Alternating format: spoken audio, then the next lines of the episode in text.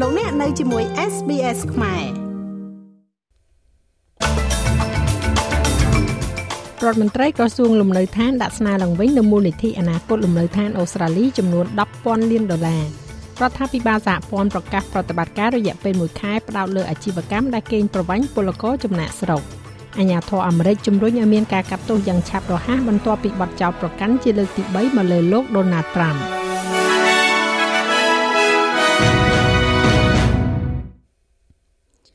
រដ្ឋមន្ត្រីក្រសួងលំនៅឋានលោកស្រី Julie Collins បានដាក់ស្នើឡើងវិញនៅមូលនិធិអនាគតលំនៅឋានអូស្ត្រាលីចំនួន10,000លានដុល្លារដល់សភាជាន់ទាបគោលនយោបាយលំនៅឋានដ៏សំខាន់របស់រដ្ឋាភិបាលនៅក្នុងការផ្ដល់លំនៅឋានរដ្ឋនិងលំនៅឋានដែលមានតម្លៃសមរម្យចំនួន30,000ខ្នងក្នុងរយៈពេល5ឆ្នាំត្រូវបានជាប់គាំងនិងរារាំងដោយគណៈបក Green និងគណៈបកសម្ព័ន្ធនៅក្នុងព្រឹទ្ធសភាអស់រយៈពេលជាច្រើនខែ។ គណៈបកសម្ព័ន្ធបាននិយាយថាពួកគេនឹងមិនគ្រប់គ្រងសេចក្តីព្រាងច្បាប់នេះទេ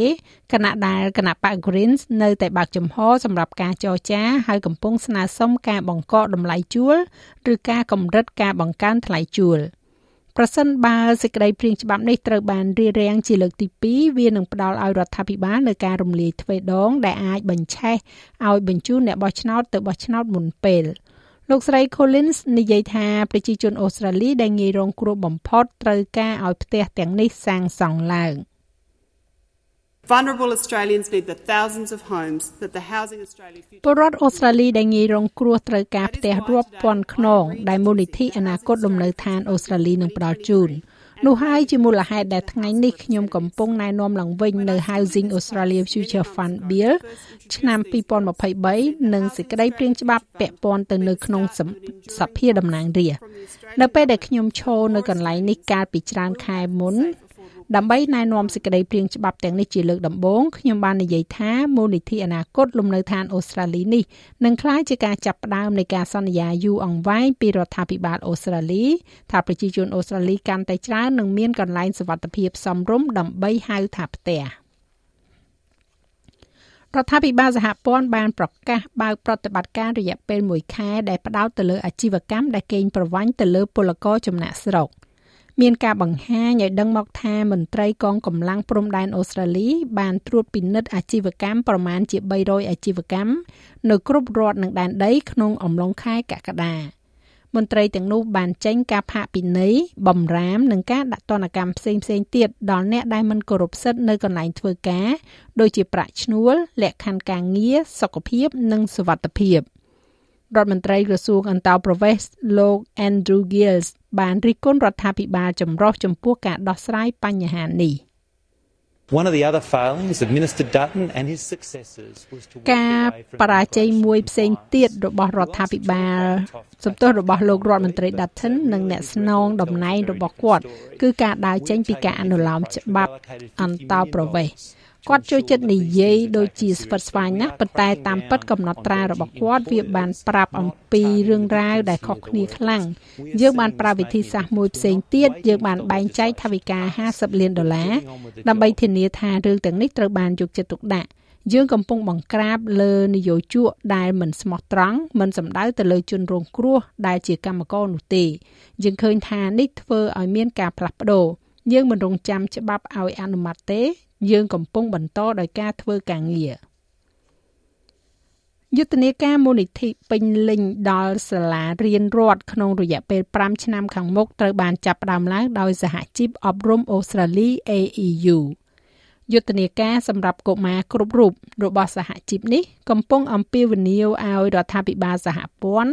បដិញ្ញាក្នុងការរួមចំណែកផ្ដល់នូវមូលនិធិកាន់តែច្រើននិងការកំណត់ពេលវេលាផ្ដល់មូលនិធិពេញលេញនៅឆ្នាំ2028ប្រធានសហជីពអប់រំអូស្ត្រាលីលោកស្រី Corina Haythorpe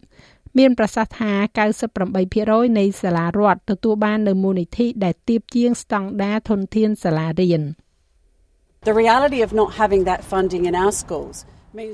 ការពិតនៃការដែលមិនមានមូលនិធិនោះនៅក្នុងសាលារៀនរបស់យើង មានន័យថា វាគឺជាកុមារនៅក្នុងសាលារៀនរដ្ឋដែលមិនមានការគ្រប់គ្រងដែលពួកគេត្រូវការវាគឺជាគ្រូបង្រៀននិងនាយកសាលាទូទាំងប្រទេសដែលកំពុងតែជួបប្រទះការកើនឡើងនិងបន្ទុកការងារដែលមិនថិតថេរហើយជាការពិតណាស់កង្វះកម្លាំងពលកម្មដូច្នេះយើងដឹងពីសារៈសំខាន់នៃការវិនិយោគនៅក្នុងសាលារៀនរដ្ឋវាផ្លាស់ប្ដូរជីវិតវាផ្លាស់ប្ដូរជីវិតរបស់សិស្សរបស់យើង វាផ្លាស់ប្ដូរជីវិតរបស់គ្រូបង្រៀននិងនាយកសាលាទូទាំងប្រទេស នៅឯសហរដ្ឋអាមេរិកឯនោះវិញអញ្ញាធរបាននិយាយថាពួកគេនឹងជំរុញឲ្យមានការកាត់ទោសដ៏ឆាប់រហ័សមួយសម្រាប់លោក Donald Trump បន្ទាប់ពីការចោទប្រកាន់មកលើអតីតប្រធានាធិបតីរូបនេះសម្រាប់ការជាប់ពាក់ព័ន្ធនៅក្នុងការវិលុកនៅវិមានរដ្ឋសភាខែមករាឆ្នាំ2021នេះគឺជាលើកទី3ហើយក្នុងរយៈពេល4ខែដែលលោកត្រាំត្រូវបានចោទប្រកាន់ពីបទឧក្រិដ្ឋ លោកទីប្រឹក្សាពិសេស Jack Smith មានប្រសាសន៍ថាលោករំពឹងហើយនឹងព្យាយាមធានាឲ្យបាននៅការកាត់ទោសយ៉ាងឆាប់រហ័សមួយទៅលើការចោទប្រកាន់ចំនួន4ករណីនៅអ្វីដែលលោកបានពិពណ៌នាថាជាការប៉ុនប៉ងដ៏ទូលំទូលាយរបស់លោកត្រាំក្នុងការផ្ដួលរលំការបោះឆ្នោតឆ្នាំ2020ដោយការខុបខិតគ្នាដើម្បីរាំងស្ទះសភាពីការបញ្ជាក់ពីជ័យជំនះរបស់គណៈបកប្រជាធិបតេយ្យលោក Joe Biden ។ លោកនិយាយថាការកាត់ក្តីដែលមានលបឿនលឿនមួយនឹងអនុញ្ញាតឲ្យផោះតាំងត្រូវបានសាកល្បងនៅក្នុងតុលាការនិងវិនិច្ឆ័យដោយក្រុមគណៈវិនិច្ឆ័យប្រជាពលរដ្ឋលោក Eric Tucker មកពីសារព័ត៌មាន Associated Press និយាយថាលោកត្រាំនឹងត្រូវចូលតុលាការលើបទចោទប្រកាន់ទាំងនេះនៅសប្តាហ៍នេះ។ He's going to be appearing before a judge Tanya Chutkin who has handled លោកនឹងបង្ហាញខ្លួននៅចំពោះមុខចៅក្រម Tanya Chutkin ដែលបានដោះស្រាយសំណុំរឿងជាច្រើនពាក់ព័ន្ធទៅនឹងកុបកម្មថ្ងៃទី6ខែមករាលោកស្រីត្រូវបានគេស្គាល់ថាតឹងតែងចំពោះចុងចោលទាំងនោះហើយសម្រាប់ជំនឿដែលថាថ្ងៃ6មករាគឺជាថ្ងៃដ៏អាម៉ាស់នៅក្នុងលទ្ធិប្រជាធិបតេយ្យរបស់អាមេរិក។ នោះមិនមែនជាចៅក្រមដែលអំណោយផលបំផុតនៅក្នុងតឡាការដែលលោកត្រាំអាចទាញបាននោះទេទន្ទឹមនឹងនេះសហរដ្ឋអាមេរិកនិយាយថាជំហររបស់ខ្លួនចំពោះប្រទេសមីយ៉ាន់ម៉ានៅតែមិនផ្លាស់ប្ដូរទោះបីជាមានការលើកលែងទោសមួយផ្នែកដល់អតីតមេដឹកនាំលោកស្រីអុងសាងស៊ូជីដែលជាប់ពន្ធនាគារក៏ដោយប្រពន្ធការទូតមួយបានពណ៌នាការលើកលែងទោសនេះថាជាវិធានការកែសម្ផស្សដែលកាត់ ពេល6ឆ្នាំពីការជាប់ពន្ធនាគាររយៈពេល33ឆ្នាំរបស់លោកស្រីស៊ូជីដែលលោកស្រីកំពុងជាប់ឃុំនៅក្នុងផ្ទះបន្ទាប់ពីត្រូវបានផ្លាស់ចេញពីពន្ធនាគារក្នុងរដ្ឋធានីសហរដ្ឋអាមេរិកបានចេញនូវទណ្ឌកម្មប្រឆាំងនឹងរបបយោធានិងអាជីវកម្មរបស់ពួកគេរួចហើយនៅដមពាក្យក្រសួងការបរទេសលោក Matthew Miller និយាយថារបបយោធាត្រូវតែចាត់វិធានការមួយចំនួនមុនពេលដែលសហរដ្ឋអាមេរិកត្រៀមខ្លួន ដើម្បីនិយាយអំពីការផ្លាស់ប្ដូរណាមួយនៅក្នុងជំហររបស់ពួកគេ We have repeatedly called on the military uh, to immediately យើងបានអំពាវនាវម្ដងហើយម្ដងទៀតឲ្យរបបយោធាដោះលែងលោកស្រីអុងសានស៊ូជីជាបន្ទាន់ទម្លាក់ប្រធានសំទោសទម្លាក់ប្រធានាធិបតីវិនមីននិងដោះលែងអ្នកផ្សេងទៀតទាំងអស់ដែលត្រូវបានឃុំខ្លួនដោយអយុត្តិធម៌ជាអ្វីដែលពួកគេមិនបានធ្វើហើយយើងបន្តជំរុញឲ្យរបបនេះបញ្ចប់អំពើហិង្សា អនុញ្ញាតឲ្យមានការចូលប្រើប្រាស់កម្មវិធីមនុស្សធម៌ដែលគ្មានការរារាំងស្វែងរកយុត្តិធម៌សម្រាប់អ្នករស់រានមានជីវិតនិងចូលរួមជាមួយភាគីពាក់ព័ន្ធទាំងអស់ដើម្បីបន្តអនាគតសន្តិភាពយុត្តិធម៌និងប្រជាធិបតេយ្យ នៅឯប្រទេសកម្ពុជាវិញដោយការគ្រងទុកកាលពីព្រឹកថ្ងៃទី1ខែសីហាម្សិលមិញនេះគោជបបានប្រកាសផ្សាយនៅលទ្ធផលបណ្ដោះអាសន្ននៃការបោះឆ្នោតជ្រើសតាំងតំណាងរាស្ត្រនីតិកាលទី7លទ្ធផលបណ្ដោះអាសន្ននេះបានបង្ហាញថា ក្នុងចំណោមគណៈបកនយោបាយទាំង18 គណៈបកប្រជាជនកម្ពុជាទទួលបាននូវសម្លេងឆ្នោតច្រើនជាងគេគឺ6លានសម្លេងត្រូវនឹង120អាសនៈបន្ទាប់មកទៀតនោះគឺគណៈបកហ៊ុនស៊ីមពេចទទួលបានសម្លេងឆ្នោតជាង70ម៉ឺនសម្លេងស្មើនឹង5អាសនៈលោកហងពុធាសមាជិកនិងជាអ្នកនាំពាក្យកោជបបន្ទាប់ពីការផ្សាយលទ្ធផលបណ្ដោះអាសន្នទៅគណៈបញ្ញយោបាយ អាចប្រើពេលយ៉ាងយូរបំផុត72ម៉ោងដើម្បីប្តឹងទៅគណៈកម្មាធិការជាតិរៀបចំការបោះឆ្នោតឬក៏ប្តឹងទៅក្រមប្រឹក្សាធម្មនុញ្ញជំទាស់ទៅនឹងលទ្ធផលបណ្ដោះអាសន្ននេះករណីដែលมันមានកោជបនឹងធ្វើការសរុបដើម្បីផ្សាយទទួលស្គាល់ជាលទ្ធផលផ្លូវការតែម្ដងបាទចាស់ឲ្យលោកមេងផល្លានឹងជូនសេចក្តីរាយការណ៍លម្អិតនៅវគ្គក្រោយជាបន្តទៀតឬលោកអ្នកអាចចូលស្ដាប់នៅលើរបាយការណ៍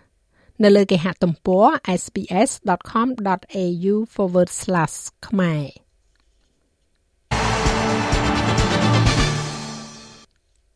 នៅក្នុងព័ត៌មានកីឡាអូស្ត្រាលីដណ្ដើមបានមេដាយចំនួន5ទៀតហើយក្នុងនោះមានមេដាយមាស3នៅយប់ទី2នៃការប្រកួតកីឡាហែលទឹកជន់ពីកាជើងឯកពិភពលោកនៅប្រទេសអង់គ្លេស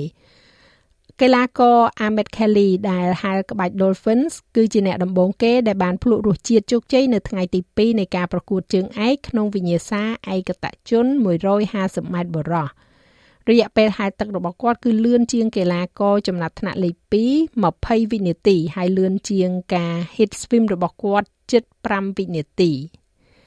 ចំណែកឯអត្រាប្តូរប្រាក់វិញ1ដុល្លារអូស្ត្រាលីនៅថ្ងៃនេះមានតម្លៃប្រមាណជា66សេនដុល្លារអាមេរិកត្រូវនឹង2730រៀលប្រាក់រៀលខ្មែរ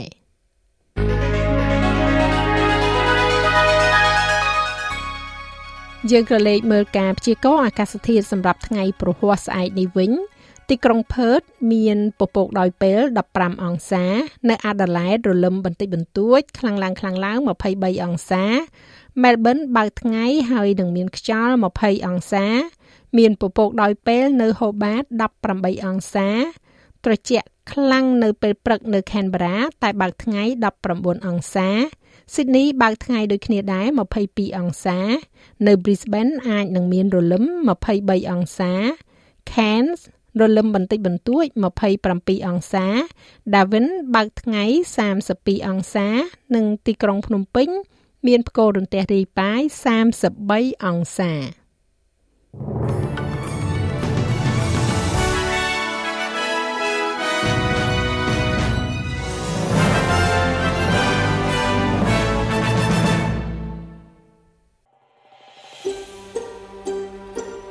ចង់ស្ដាប់រឿងក្រៅបែបនេះបន្ថែមទៀតទេ